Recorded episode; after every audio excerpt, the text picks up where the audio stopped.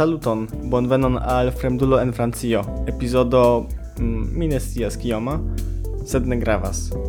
Unue dankon pro la varma akcepto de la du antaŭe epizodoj, estis iu provo, estis io nova, eble tio estos aparta serio iam, nun mi volis iom provi, kaj mi parolos iom pli pri tio en la sekva epizodo. Nun mi ŝatus koncentriĝi pri io kio jam alvenas aŭ jam alvenis, depende de tio kiam vi aŭskultas tiun ĉi epizodon, Mi supozas ke vi ne aŭskultas ĝin tuj kiam ĝi aperas. Mi esperas ke vi pasigas tion tempon en iom pli agrable medio ol nur mia enuiga voĉo. Kaj temas kompreneble pri la festoj. Ĉar pasis Hanuko, post momento alvenos Kristnasko, kaj nun ni estas en tiu tempo, en tiu periodo, kiun oni nomas en Francio Fête de fin d'année, kio signifas jarfinaj festoj. Kaj kion mi faras dum ili? Do, pro diversaj kialoj mi devis resti en Parizo, pro aliaj diversaj kialoj mi nun estas sola en mia loĝejo, do jen venu kelkaj el miaj impresoj pri la festoj en Francio. Unue mia subjektiva rimarko, mi persone ne sentas, mi tute ne sentas, ke jam estas la dua duono de decembro. Eble pro la enfermiĝo, eble pro mia generala stato, char mi ekde pli malpli aprilo au maio ne plusentas la tempo pason, eble pro multa laboro kai manco de universitataj lezionoi, mi simple ne distingas inter diversai tagoi, semainoi, monatoi nun, do se mi ne rigardus la calendaron, kai vi demandus min kiu monato estas au kiu jar sezono estas, mi plei versaine dirus ke estas novembro aŭ nur duono de novembro. Sed la fakto fakto estas ke la festoj alvenis aŭ alvenas. Kaj jen kelkaj miaj rimarkoj rilataj al tiu ĉi fakto. Unue estas varme. Jes, mi scias, ke generale en Parizo estas pli varme ol en Varsovio aŭ en Krakovo, sed hodiaŭ estis dek tri Celsigradoj. Dek tri. Vi povas imagi, ke tio tamen estas multe por iu, tio estas mi, kiu tamen atendas neĝon por la dudek kvara de decembro. Citie, gde mi alveno mine vidis neĝon, sed mi scias ke tio estas normala por Parizo, kaj estis nur kelkaj noktoj kiam la temperaturo falis sub nulon en Celsigradoj. Do ĝenerale oni povus diri ke estas pli varme, kaj eble tial mi sentas aŭtunon kaj ne vere vintron. Due, la kristnaskaj arboj aŭ kristnaskaj arbetoj. Mi havas la impreson ke ĉi tie ĉio komenciĝas pli frue. Oni komencis vendi tiujn arbetojn jam komence de decembro, Mi pensas ke estas la 1 de decembro kiam oni simple komencis vendi ilin ĉie kaj homoj ĝenerale dekoras ilin unu semajnon aŭ du semajnojn antaŭ la festoj, do antaŭ la dudek kvina de decembro. Por mi tio ne estas stranga aŭ ŝoka, sed iom tamen fremda, ĉar ĉe mi oni ĉiam dekoris la arbeton la dudek kvaran de decembro, eventuale plej frue la dudek trian de decembro. Kaj vi devas scii ke en Pollando mi dirus che la plei grava tago en la festo estas la dudek kvara, char la dudek kvaran vespere estas sufiĉe granda vespermanĝo aŭ fakte post tagmezmanĝo aŭ frua vespermanĝo, ĉar oni jam manĝas ĝin kiam jam estas malhele ekstere, sed tio povas esti je la dek sesa, dek sepa horo. En kelkaj domoj mi scias, ke oni komencas eĉ je la dek kvina. En kelkaj domoj tio povas esti ankaŭ iom pli malfrue do la dek oka kaj tiel plu.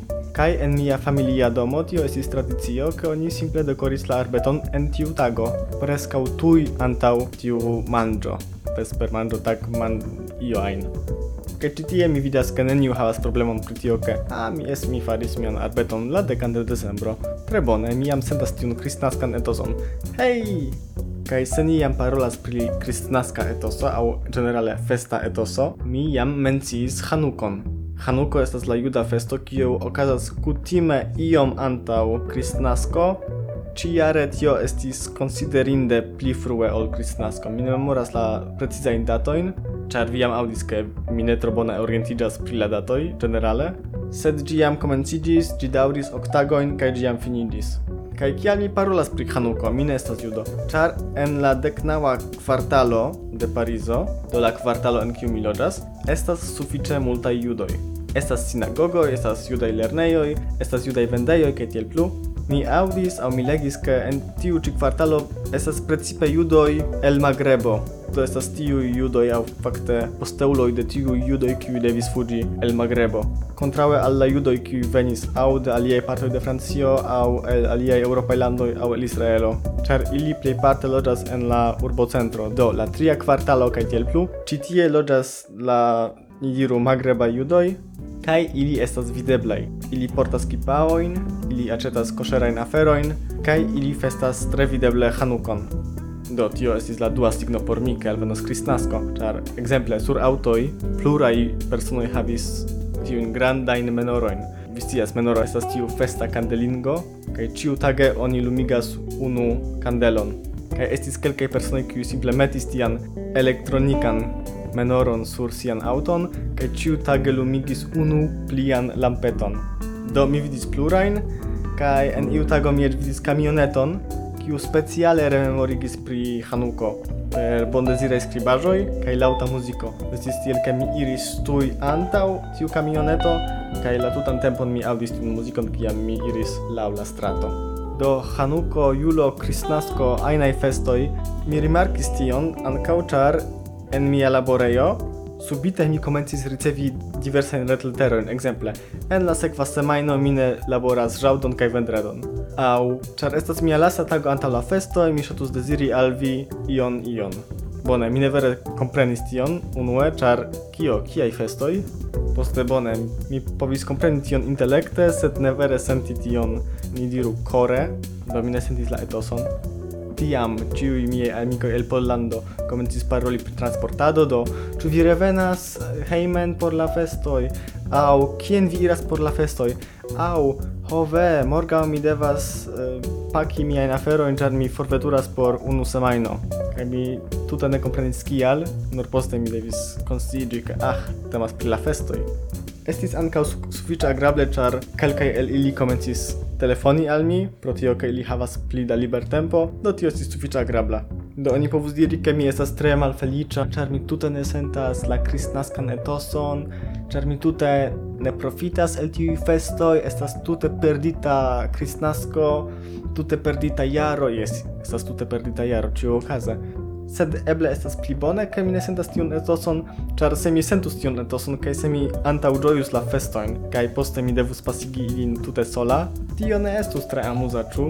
Kaj efektive mi devos pasigi la dudek kvaran kaj ankaŭ la dudek kvinan de decembro nur kun varma vino, mandarinoj, ciokolado, libroj, podcastoj, eble ankaŭ iom da bakalaŭra laboraĵo kai aliai diversi semestrai laborajo kiun mi devas verki gis la mezo de januaro. Kai la lasta afero antau unu semaino mi sukcesis aĉeti bileton por reveni al Pollando en februaro kai hodio mi eksciis ke oni nuligis mian flugon.